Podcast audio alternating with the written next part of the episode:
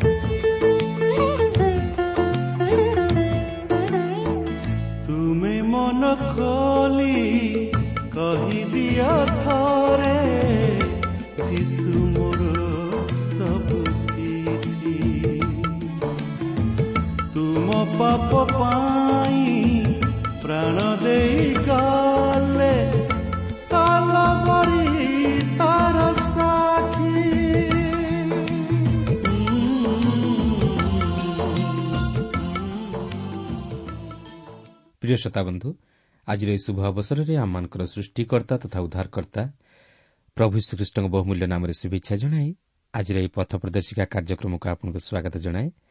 ଆପଣଙ୍କର ସହଯୋଗ ତଥା ହୃଦୟସ୍ପର୍ଶୀ ସାକ୍ଷ୍ୟ ନିମନ୍ତେ ବିଶେଷ ଧନ୍ୟବାଦ। ଆପଣଙ୍କର ପ୍ରାର୍ଥନାର ଅନୁରୋଧ ରକ୍ଷା କରି ଆମେ ମଧ୍ୟ ଆପଣଙ୍କ ନିମନ୍ତେ ପ୍ରାର୍ଥନା କରୁଅଛୁ।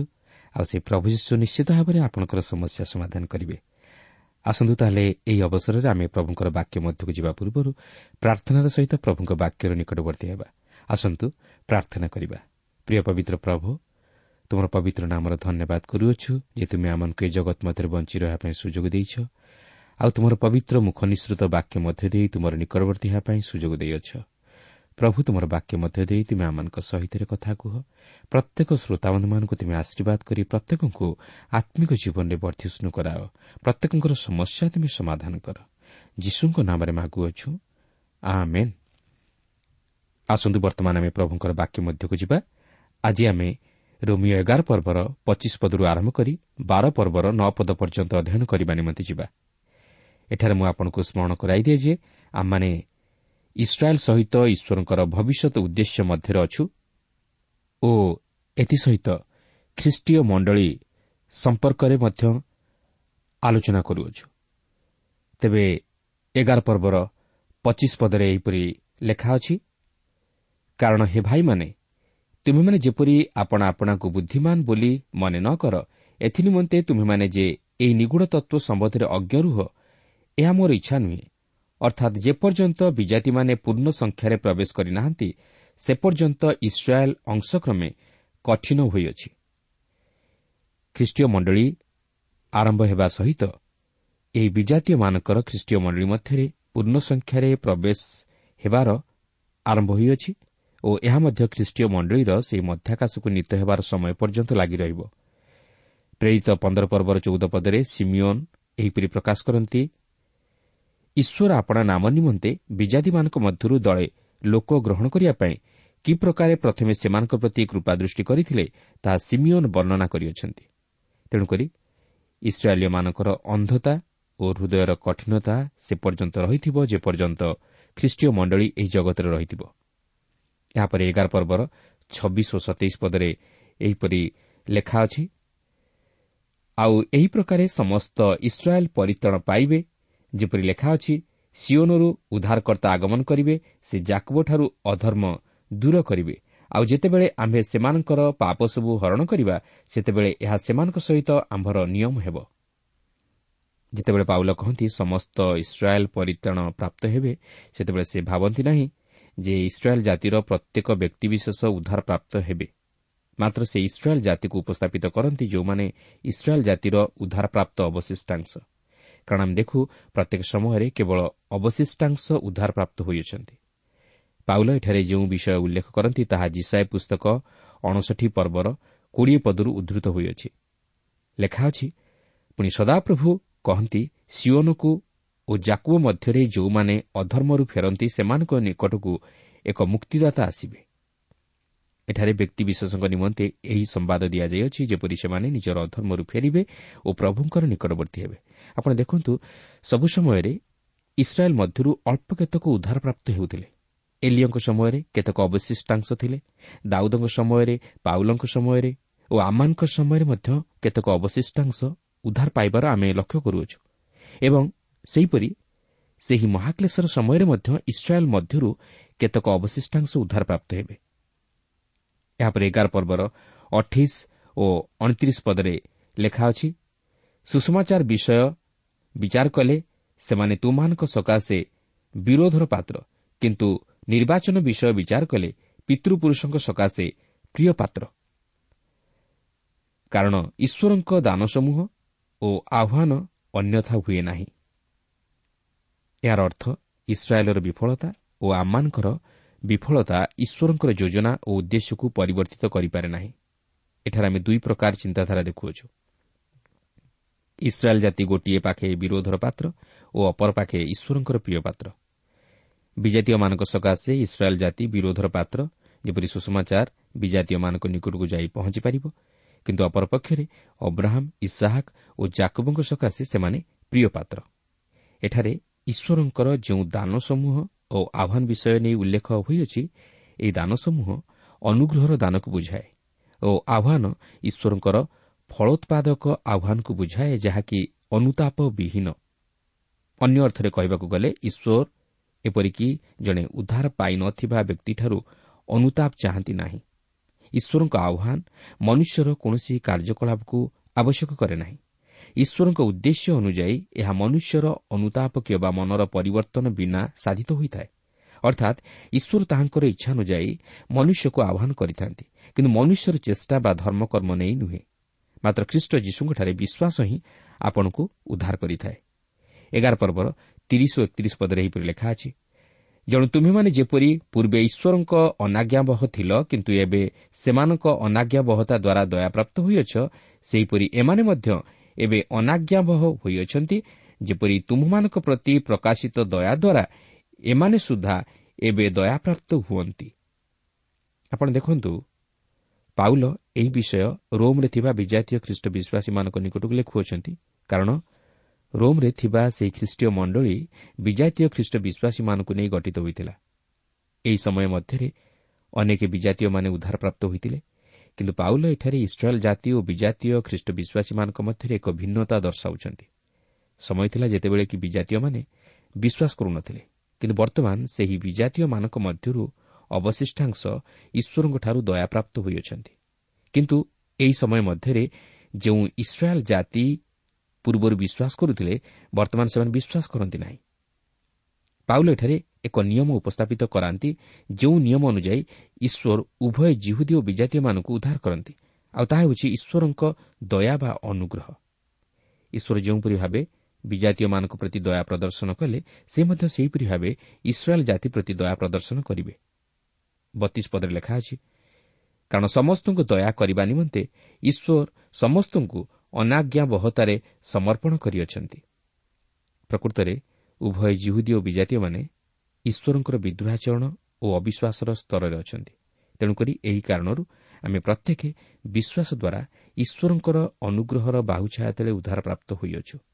ଆଉ ତାହା ଆମମାନଙ୍କର ଧର୍ମକର୍ମ ହେତୁ ନୁହେଁ।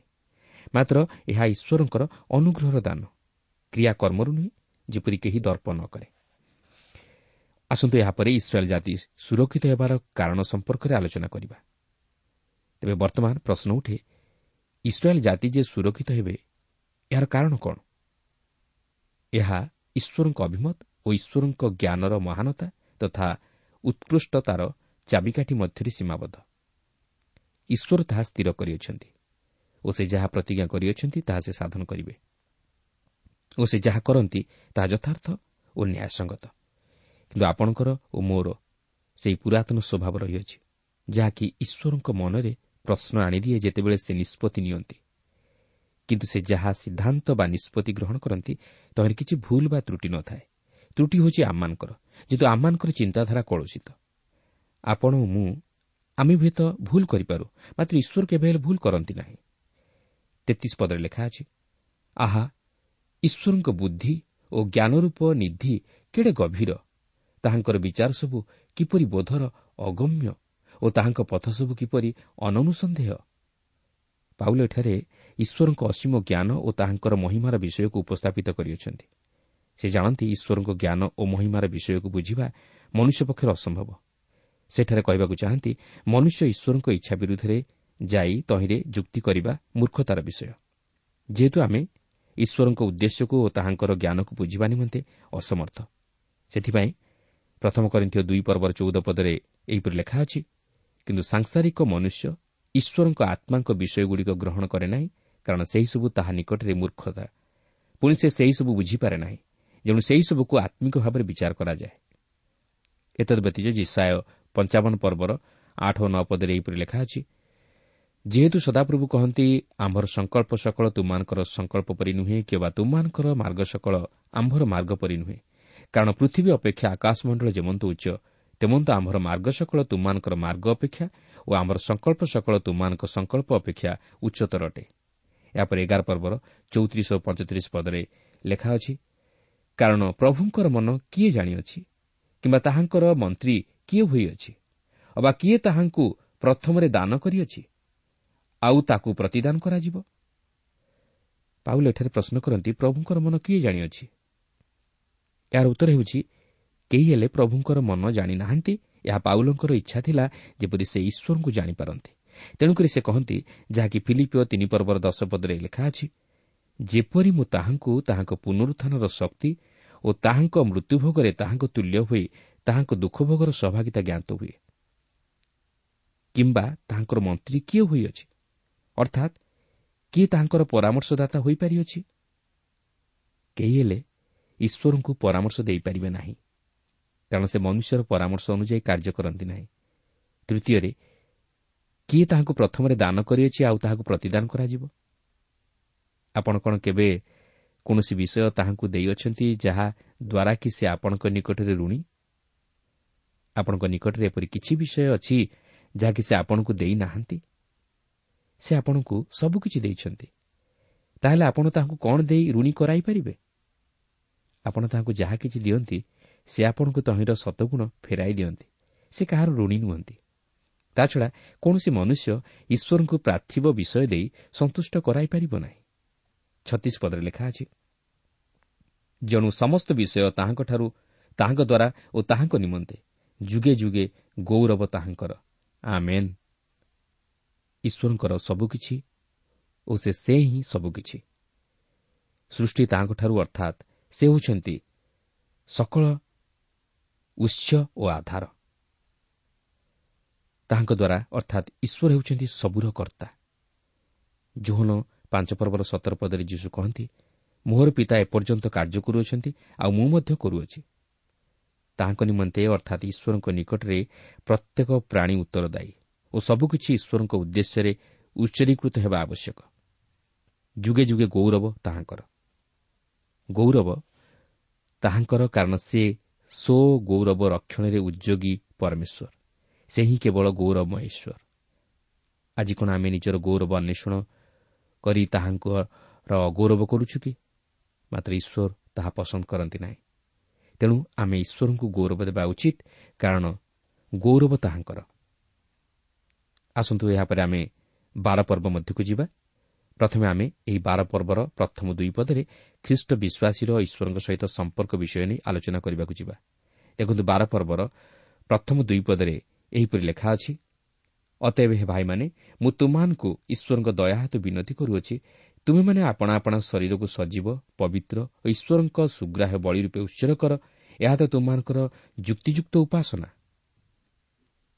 ତୁମ୍ଭେମାନେ ଏହି ବର୍ତ୍ତମାନ ଯୁଗର ଅନୁରୂପୀ ହୁଅ ନାହିଁ।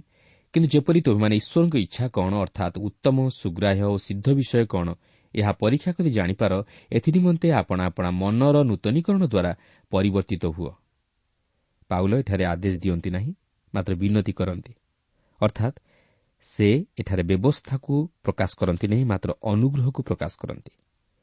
ମୂଷା ସେହି ସିନୟ ପର୍ବତ ଉପରୁ ଆଦେଶ ଦେଲେ। ମାତ୍ର ପାଉଲ ଅନୁରୋଧ କରନ୍ତି। ପାଉଲ ଚାହିଁଥିଲେ ଆଦେଶ ଦେଇପାରିଥାନ୍ତେ ମାତ୍ର ସେ ତାହା କଲେ ନାହିଁ କିନ୍ତୁ ଅନୁରୋଧ କଲେ। କାରଣ ଈଶ୍ୱର ମନୁଷ୍ୟ ଜାତି ପ୍ରତି ତାହାଙ୍କର ମହା ଅନୁଗ୍ରହ ପ୍ରକାଶ କରିଥିବାରୁ ପାଉଲ ମଧ୍ୟ ସେମାନଙ୍କୁ ଅନୁରୋଧ କରନ୍ତି। ଅର୍ଥାତ୍ ପାଉଲ ଏଠାରେ ବ୍ୟବସ୍ଥାକୁ ପ୍ରକାଶ ନ କରି ଈଶ୍ୱରଙ୍କ ଅନୁଗ୍ରହକୁ ପ୍ରକାଶ କରନ୍ତି। କାରଣ ଅନୁଗ୍ରହରେ ଆମମାନେ ପରିତାଣ ପ୍ରାପ୍ତ ହେଉଥିବାରୁ ଆମ୍ଭେମାନେ ମଧ୍ୟ ବାଧ୍ୟବାଧକତା ହେତୁରୁ ନୁହେଁ ମାତ୍ର ସ୍ୱେଚ୍ଛାକୃତ ଭାବେ ଈଶ୍ୱରଙ୍କ ନିମନ୍ତେ ନିଜକୁ ଉତ୍ସର କରିବା ଆବଶ୍ୟକ। କାରଣ ପରିତାଣ ହେଉଛି ଈଶ୍ୱରଙ୍କର ଅନୁଗ୍ରହର ଦାନ ଓ ଉପାସନା ହେଉଛି ଖ୍ରୀଷ୍ଟ ବିଶ୍ୱାସୀର ଈଶ୍ୱରଙ୍କ ପ୍ରତି ସ୍ୱେଚ୍ଛାକୃତ ଉପହାର। ଲେଖା ଅଛି ଈଶ୍ୱରଙ୍କ ଦୟା ହେତୁ। ଈଶ୍ୱର ହେଉଛନ୍ତି ଜଣେ ଯେ କି ଦୟା କରନ୍ତି ଓ ତାଙ୍କର ଦୟା କେବେ ଉଣା ହୁଏ ନାହିଁ। ତାଙ୍କର ଦୟା ମନୁଷ୍ୟ ସନ୍ତାନଗଣ ପ୍ରତି ଅତି ପ୍ରଚୁର ଯାହାର ପ୍ରତିଦାନ କରିବାକୁ ମନୁଷ୍ୟ ଅକ୍ଷମ। ତେଣୁକରି ପାଉଲ କହନ୍ତି ତୁମାନେ ଆପଣା ଆପଣା ଶରୀରକୁ ସଜୀବ ପବିତ୍ର ଓ ଈଶ୍ୱରଙ୍କ ସୁଗ୍ରାହ୍ୟ ବଳି ରୂପେ ଉତ୍ସର କର ଏହା ତ ତୁମମାନଙ୍କର ଯୁକ୍ତିଯୁକ୍ତ ଉପାସନା। ଅର୍ଥାତ୍ ପାଉଲ କହିବାକୁ ଚାହାନ୍ତି ତୁମାନେ ଆପଣାକୁ ସମ୍ପୂର୍ଣ୍ଣ ଭାବେ ଉତ୍ସର କର। ସେ କହନ୍ତି ତୁମର ଶରୀରକୁ ଉତ୍ସର କର। ଅର୍ଥାତ୍ ଆପଣାର ସମ୍ପୂର୍ଣ୍ଣ ବ୍ୟକ୍ତିତ୍ୱକୁ ଉତ୍ସର କର। ଶରୀର ହେଉଛି ଏକ ମାଧ୍ୟମ ଯାହା ମଧ୍ୟ ଦେଇ ଆମେ ଆମ ନିଜକୁ ପ୍ରକାଶ କରୁ। ଆମର ମନ ଆମର ସ୍ନେହ ଓ ଇଚ୍ଛା ଓ ପବିତ୍ର ଆତ୍ମା ଆମର ଶରୀରକୁ ବ୍ୟବହାର କରିପାରିବେ। ଆମମାନଙ୍କର କାର୍ଯ୍ୟକଳାପ ତାହାଙ୍କର ଇଚ୍ଛା ଅନୁମୋଦିତ ଓ ସନ୍ତୋଷଜନକ ହେବା ଆବଶ୍ୟକ କାରଣ ଆମେ ଆମ ଶରୀରରେ ଈଶ୍ୱରଙ୍କୁ ମହିମାନିତ କରିବା ଉଚିତ। ଦେଖନ୍ତୁ ପ୍ରଥମ କରିଥିବା ଛଅ ପର୍ବର କୋଡ଼ିଏ ପଦରେ ଲେଖା ଅଛି କାରଣ ତୁମେମାନେ ବିଶେଷ ମୂଲ୍ୟରେ କିଣାଯାଇଅଛ ଏଣୁ ତୁମମାନଙ୍କ ଶରୀରରେ ଈଶ୍ୱରଙ୍କ ଗୌରବ ପ୍ରକାଶ କର। ସେହିପରି ଫିଲିପିଓ ପ୍ରଥମ ପର୍ବର କୋଡ଼ିଏ ପଦରେ ଲେଖା ଅଛି ଏ ସମ୍ବନ୍ଧରେ ମୋହର ଏକାନ୍ତ ଆକାଂକ୍ଷା ଓ ଭରସା ଅଛି ଯେ ମୁଁ କୌଣସି ବିଷୟରେ ଲଜ୍ଜିତ ହେବି ନାହିଁ। କିନ୍ତୁ ସର୍ବଦା ଯେଉଁପରି ଏବେ ମଧ୍ୟ ସେହିପରି ଅତି ସାହସରେ ଜୀବନରେ ହେଉ ବା ମରଣରେ ହେଉ ଖ୍ରୀଷ୍ଟଙ୍କୁ ମୋହର ଶରୀରରେ ମହିମାନିତ କରିବି। ଦ୍ୱିତୀୟ କରିଥିବା ଚାରିପର୍ବର ଦଶପଦରେ ଲେଖା ଅଛି ଆମମାନେ ସର୍ବଦା ଯୀଶୁଙ୍କ ମୃତ୍ୟୁଭୋଗ ଶରୀରରେ ଅନୁଭବ କରୁଅଛୁ ଯେପରି ଯୀଶୁଙ୍କ ଜୀବନ ମଧ୍ୟ ଆମମାନଙ୍କ ଶରୀରରେ ପ୍ରକାଶିତ ହୁଏ। ପୁନଶ୍ଚ ଲେଖା ଅଛି ଏହା ତ ତୁମମାନଙ୍କର ଯୁକ୍ତିଯୁକ୍ତ ଉପାସନା।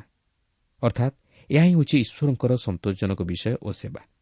ଈଶ୍ୱର ଚାହାନ୍ତି ଆମେ ଯେପରି ନିଜର ଦେହ ମନ ଓ ଆତ୍ମାକୁ ତାହାଙ୍କ ନିକଟରେ ସମ୍ପୂର୍ଣ୍ଣ ଭାବେ ଉତ୍ସର କରୁ। ଅର୍ଥାତ୍ ଆମମାନଙ୍କର ଚିନ୍ତାଧାରା କାର୍ଯ୍ୟକଳାପ ଓ ଆଚାର ବ୍ୟବହାର ଖ୍ରୀଷ୍ଟୀୟ ଭାବଯୁକ୍ତ ହେବାକୁ ପାରେ ଓ ଖ୍ରୀଷ୍ଟଙ୍କର ସନ୍ତୋଷଜନକ ହେବାକୁ ପାରେ। ଏହି ପ୍ରକାର ଜୀବନ ଜଣେ ଖ୍ରୀଷ୍ଟ ବିଶ୍ୱାସୀ ଖ୍ରୀଷ୍ଟଙ୍କଠାରେ ସଂଯୁକ୍ତ ହେବା ଦ୍ୱାରା ଯାପନ କରିବାକୁ ପାରେ। ବାରପର୍ବର ଦୁଇ ପଦରେ ଆମେ ଦେଖୁ ଯେ ପାଉଲ ଏଠାରେ ଖ୍ରୀଷ୍ଟ ବିଶ୍ୱାସୀମାନଙ୍କୁ ବିନତି କରନ୍ତି ଯେପରି ସେମାନେ ସେମାନଙ୍କର ଚତୁଃପାର୍ଶ୍ୱରେ ଥିବା ଅନ୍ୟାନ୍ୟ ବିଜାତୀୟ ଲୋକମାନଙ୍କର କାର୍ଯ୍ୟକଳାପକୁ ବା ସେମାନଙ୍କର ଚାଲିଚଳନକୁ ଅନୁକରଣ ନ କରନ୍ତି ମାତ୍ର ଈଶ୍ୱରଙ୍କ ଇଚ୍ଛା ଉପରେ ନିର୍ଭର କରି ତାହାଙ୍କର ଇଚ୍ଛା ଅନୁଯାୟୀ କାର୍ଯ୍ୟ କରନ୍ତି ଓ ତାହାଙ୍କ ଇଚ୍ଛାର ବଶୀଭୂତ ହୋଇ ରୁହନ୍ତି ଓ ଈଶ୍ୱରଙ୍କ ଇଚ୍ଛା ଅନୁଯାୟୀ ମନର ନୂତନୀକରଣ ଦ୍ୱାରା ପରିବର୍ତ୍ତିତ ହୁଅନ୍ତି ଅର୍ଥାତ୍ ଏକ ନୂତନ ଜୀବନ ଯାପନ କରନ୍ତି। କିନ୍ତୁ ଏହି ସମସ୍ତ କେବଳ ବିଶ୍ୱାସୀ ନିଜ ହୃଦୟ ମଧ୍ୟରେ ଈଶ୍ୱରଙ୍କ ଆତ୍ମାକୁ କାର୍ଯ୍ୟସାଧନ କରିବା ନିମନ୍ତେ ସୁଯୋଗ ଦେବା ଦ୍ୱାରା ସେ ଈଶ୍ୱରଙ୍କର ଇଚ୍ଛାକୁ ଜାଣିବା ନିମନ୍ତେ ଓ ତାହା ଯେ ଉତ୍ତମ ତାହା ଜାଣିବା ନିମନ୍ତେ ସମର୍ଥ ହୋଇପାରେ ଓ ତଦନୁଯାୟୀ ଜୀବନଯାପନ କରିବା ନିମନ୍ତେ ସକ୍ଷମ ହୋଇପାରେ। ତେଣୁ ଜଣେ ଖ୍ରୀଷ୍ଟ ବିଶ୍ୱାସୀ ଈଶ୍ୱରଙ୍କ ଇଚ୍ଛା ଉପରେ ନିଜକୁ ସମ୍ପୂର୍ଣ୍ଣ ଉତ୍ସର୍ଗ କରିବା ଆବଶ୍ୟକ ତାହେଲେ ତାହାର ଜୀବନରେ ଈଶ୍ୱରଙ୍କ ଇଚ୍ଛା ସାଧିତ ହୋଇପାରିବ ଓ ତାହାର ଇଚ୍ଛା ମଧ୍ୟ ଈଶ୍ୱରଙ୍କ ଇଚ୍ଛା ସହିତ ଏକ ହୋଇପାରିବ ଓ ପ୍ରତ୍ୟେକଟି ବିଷୟ ତାହା ନିମନ୍ତେ ଉତ୍ତମ ହୋଇପାରିବ। ଏହା ଉତ୍ତମ ଗ୍ରହଣୀୟ ଓ ଶେଷରେ ସିଦ୍ଧ ହୋଇପାରିବ। ସେଥିପାଇଁ ଫିଲିପିଓ ଚାରିପର୍ବର ତେର ପଦରେ ଲେଖା ଅଛି ମୋହର ମୁକ୍ତିଦାତାଙ୍କ ସାହାଯ୍ୟରେ ମୁଁ ସମସ୍ତ କରିପାରେ। ପାଉଲ ଏଠାରେ ଖ୍ରୀଷ୍ଟଙ୍କ ଶକ୍ତିରେ ସମସ୍ତ କିଛି କରିପାରନ୍ତି ବୋଲି ପ୍ରକାଶ କରନ୍ତି। ଅର୍ଥାତ୍ ଜଣେ ଖ୍ରୀଷ୍ଟ ବିଶ୍ୱାସୀ ସମସ୍ତ କିଛି ବିଷୟ ସାଧନ କରିପାରିବ ଯାହା ଖ୍ରୀଷ୍ଟଙ୍କ ଇଚ୍ଛା ସହିତ ସଂଯୁକ୍ତ। ଆସନ୍ତୁ ଏହାପରେ ପବିତ୍ର ଆତ୍ମାଙ୍କର ଦାନ ସହିତ ଜଣେ ବିଶ୍ୱାସୀର କିପରି ସମ୍ପର୍କ ଅଛି ତାହା ଆଲୋଚନା କରିବା। ଦେଖନ୍ତୁ ରୋମିଓ ବାର ପର୍ବର ତିନି ପଦରେ ଏହିପରି ଲେଖା ଅଛି କାରଣ ମୋତେ ପ୍ରଦତ୍ତ ଅନୁଗ୍ରହ ଦ୍ୱାରା ମୁଁ ତୁମାନଙ୍କ ମଧ୍ୟରେ ଥିବା ପ୍ରତ୍ୟେକ ଜଣକୁ କହୁଅଛି ଆପଣା ବିଷୟରେ ଯେପରି ମନେ କରିବା ଉଚିତ ତାଠାରୁ ଆପଣାକୁ ଅଧିକ ବଡ଼ ମନେ ନ କର। କିନ୍ତୁ ଈଶ୍ୱର ଯାହାକୁ ଯେ ପରିମାଣରେ ବିଶ୍ୱାସ ବିତରଣ କରିଅଛନ୍ତି ସେହି ଅନୁସାରେ ପ୍ରତ୍ୟେକ ଜଣ ସୁବୋଧର ପରି ଆପଣା ବିଷୟରେ ମନେ କର। ମୁଁ ଭାବୁଛି ପାଉଲଙ୍କ ସମୟରେ ଖ୍ରୀଷ୍ଟ ବିଶ୍ୱାସୀ ମଣ୍ଡଳୀ ମଧ୍ୟରେ ବୋଧହୁଏ ସେହିପରି ନିଜକୁ ଶ୍ରେଷ୍ଠ ବୋଲି ବିବେଚନା କରିବାର ମନୋଭାବ ଦେଖାଦେଇଥିଲା। ସେମାନେ ପ୍ରତ୍ୟେକ ନିଜ ନିଜକୁ ଅନ୍ୟମାନଙ୍କଠାରୁ ଶ୍ରେଷ୍ଠ ବା ଉତ୍ତମ ବା ଧାର୍ମିକ ବୋଲି ବିବେଚନା କରୁଥିଲେ। ତେଣୁକରି ପାଉଲ କହନ୍ତି ତୁମେମାନେ ନିଜକୁ ଯେପରି ଭାବିବା ଉଚିତ ତାଠାରୁ ନିଜକୁ ଅଧିକ ବଡ଼ ବୋଲି ମନେ କର ନାହିଁ। ଅର୍ଥାତ୍ ପାଉଲ କହିବାକୁ ଚାହାନ୍ତି ତୁମମାନେ କ'ଣ ତାହା ତୁମେମାନେ ନିଜେ ନିଜ ବିଷୟରେ ଜାଣ। ତେଣୁକରି ତୁମେମାନେ ତୁମମାନଙ୍କର ଦକ୍ଷତା ଚରିତ୍ର ବା ଦାନଗୁଡ଼ିକୁ ଦୃଷ୍ଟି ଆଗରେ ରଖି ଅନ୍ୟଠାରୁ ନିଜକୁ ଶ୍ରେଷ୍ଠ ବା ମହାନ ବୋଲି ବିବେଚନା କର ନାହିଁ ମାତ୍ର ନିଜେ ନିଜ ବିଷୟରେ ସଚେତନ ହୁଅ। ନିଜେ ନିଜକୁ ଅନ୍ୟମାନଙ୍କଠାରୁ ନ୍ୟୁନ ମନେ କର। ଅନ୍ୟମାନଙ୍କ ତୁଳନାରେ ନିଜକୁ ପ୍ରଥମେ ଭଲ ଭାବେ ସମୀକ୍ଷା କରି ଅନ୍ୟମାନଙ୍କୁ ନିଜଠାରୁ ଶ୍ରେଷ୍ଠ ତଥା ଉତ୍ତମ ବୋଲି ମନେ କର। ବାସ୍ତବରେ ତାହା ହିଁ ପ୍ରତ୍ୟେକ ଖ୍ରୀଷ୍ଟ ବିଶ୍ୱାସୀର ଜୀବନରେ ପରିଲକ୍ଷିତ ହେବା ଉଚିତ। ତାହା ନହେଲେ ଜଣେ ଖ୍ରୀଷ୍ଟ ବିଶ୍ୱାସୀ କେବେ ହେଲେ ନିଜକୁ ଉତ୍ତମ ବିଶ୍ୱାସୀ ଭାବେ ଗଢ଼ିପାରିବ ନାହିଁ କି ନିଜର ଜୀବନରେ ଉନ୍ନତି କରିପାରିବ ନାହିଁ। ସେ ଯାହା ତାହାଠାରୁ ଯଦି ନିଜକୁ ନ୍ୟୁନ ମନେ କରେ ତାହେଲେ ସେ କେବେ ହେଲେ ଆପଣା ବିଷୟରେ ଗର୍ବ କରିବ ନାହିଁ ବରଂ ନମ୍ର ହୋଇ ଈଶ୍ୱରଙ୍କୁ ଗୌରବ ଦେଇପାରିବ।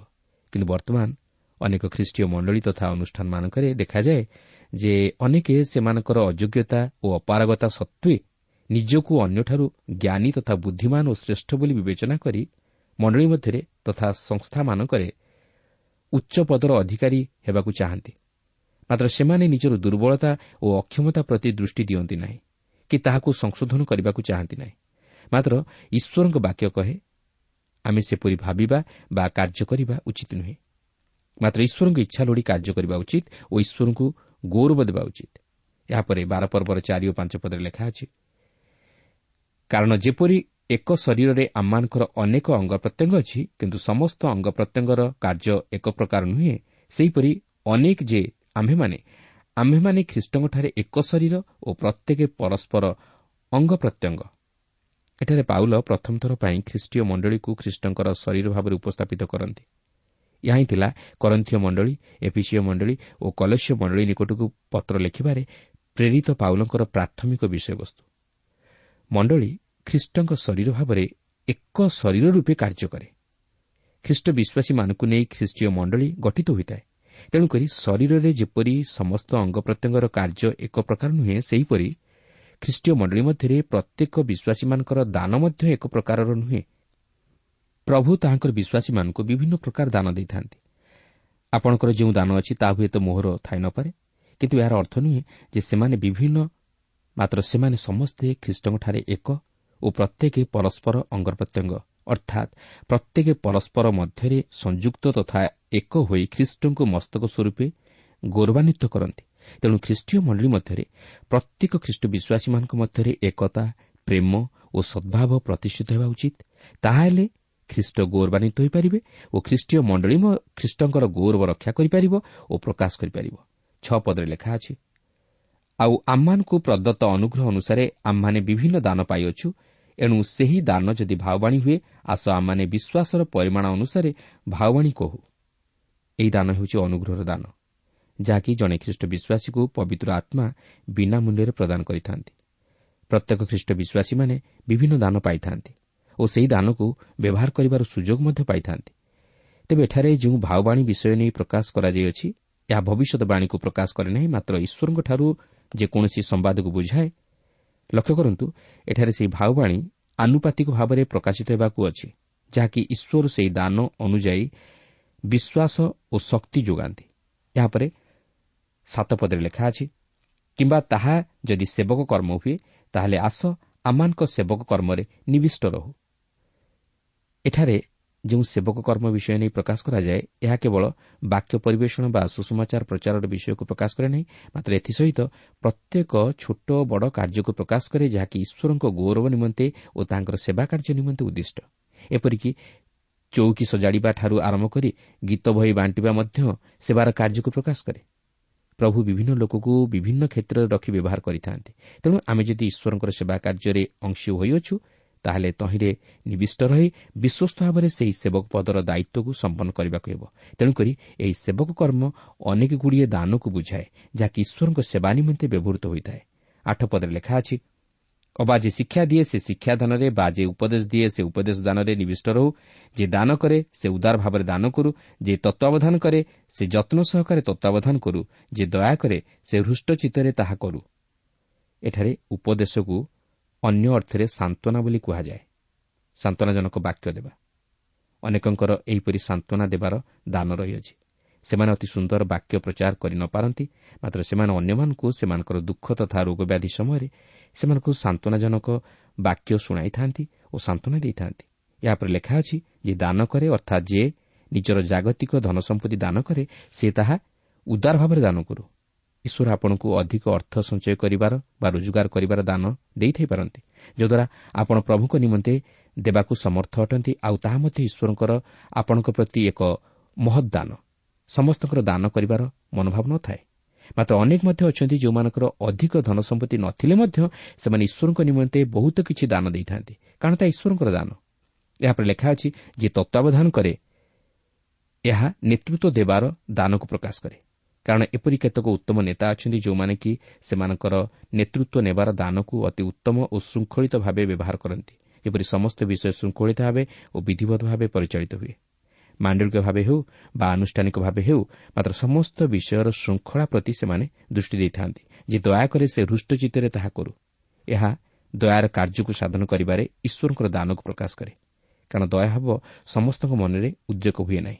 ମାତ୍ର ଯେଉଁମାନଙ୍କ ଅନ୍ତରରେ ଈଶ୍ୱର ସେହି ଦୟାର ହୃଦୟ ଦେଇଥାନ୍ତି ସେମାନେ ହିଁ କେବଳ ଅନ୍ୟର ଦୁଃଖରେ ଦୁଃଖୀ ହୋଇପାରିବେ ଓ ଦୁଃଖୀ ଦରିଦ୍ର ତଥା ଦିନହୀନ ପ୍ରତି ଦୟା ଦେଖାଇପାରିବେ ତେଣୁ ଈଶ୍ୱରଙ୍କ ବାକ୍ୟ କହେ ଯେ ଦୟାକରେ ସେ ହୃଷ୍ଟଚିତ୍ତରେ ଅର୍ଥାତ୍ ଆନନ୍ଦିତ ହୃଦୟ ସହିତ ତାହା କରୁ। ସରଳ ମନରେ ଓ ଆନନ୍ଦର ସହିତ ତାହା କରୁ ତାହେଲେ ଈଶ୍ୱରଙ୍କର ମହତ ଅଭିପ୍ରାୟ ସେ ସାଧନ କରିପାରିବ। ଏହାପରେ ଆମେ ରୋମିଓ ବାର ପର୍ବର ନଅ ପଦରୁ ଷୋହଳ ପଦ ମଧ୍ୟରେ ଖ୍ରୀଷ୍ଟ ବିଶ୍ୱାସୀର ଅନ୍ୟ ଖ୍ରୀଷ୍ଟ ବିଶ୍ୱାସୀମାନଙ୍କ ସହିତ କିପରି ସମ୍ପର୍କ ରହିବା ଉଚିତ ସେହି ବିଷୟ ନେଇ ଅଧ୍ୟୟନ କରି ସଂକ୍ଷେପରେ କିଛି ଆଲୋଚନା କରିବାକୁ ଯିବା। ବାର ପର୍ବର ନଅ ପଦରେ ଏହିପରି ଲେଖା ଅଛି ପ୍ରେମ ନିଷ୍କପଟ ହେଉ ଯାହା ମନ୍ଦ ତାହା ଘୃଣା କର ଯାହା ଉତ୍ତମ ସେଥିରେ ଆସକ୍ତ ହୁଅ। ଲେଖା ଅଛି ପ୍ରେମ ନିଷ୍କପଟ ହେଉ ଆଉ ତାହା ହେଉଛି ଛଳନାବିହୀନ ପ୍ରେମ ପ୍ରତାରଣା ବିହୀନ ପ୍ରେମ ନିଃସ୍ୱାର୍ଥପର ପ୍ରେମ। ଜଣେ ଖ୍ରୀଷ୍ଟ ବିଶ୍ୱାସୀର ଜୀବନରେ ଏହି ପ୍ରେମ ପ୍ରକାଶିତ ହେବା ଉଚିତ କାରଣ ପ୍ରେମ ବହୁଳ ପାପ ଆଚ୍ଛାଦନ କରେ।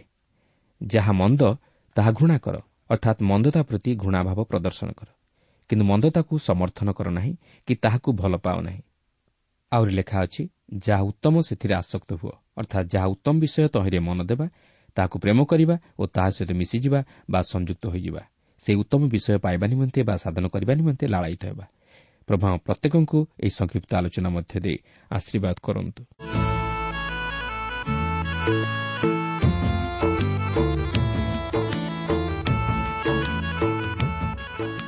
ପ୍ରିୟ ଶ୍ରୋତା ଆମର କାର୍ଯ୍ୟକ୍ରମ ନିୟମିତ ଶୁଣୁଥିବାରୁ ଅଶେଷ ଧନ୍ୟବାଦ।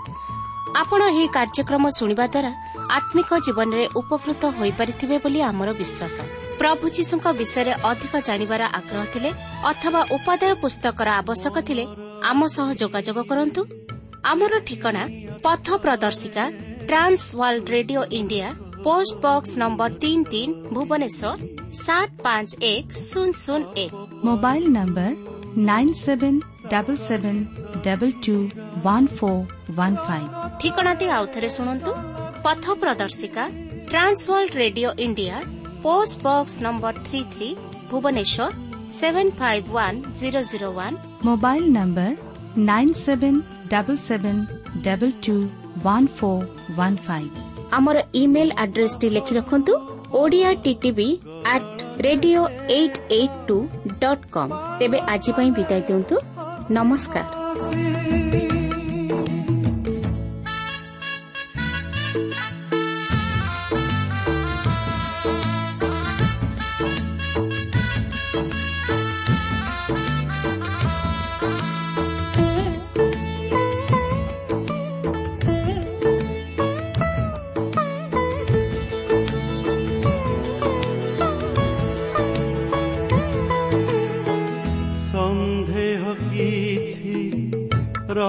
দেখি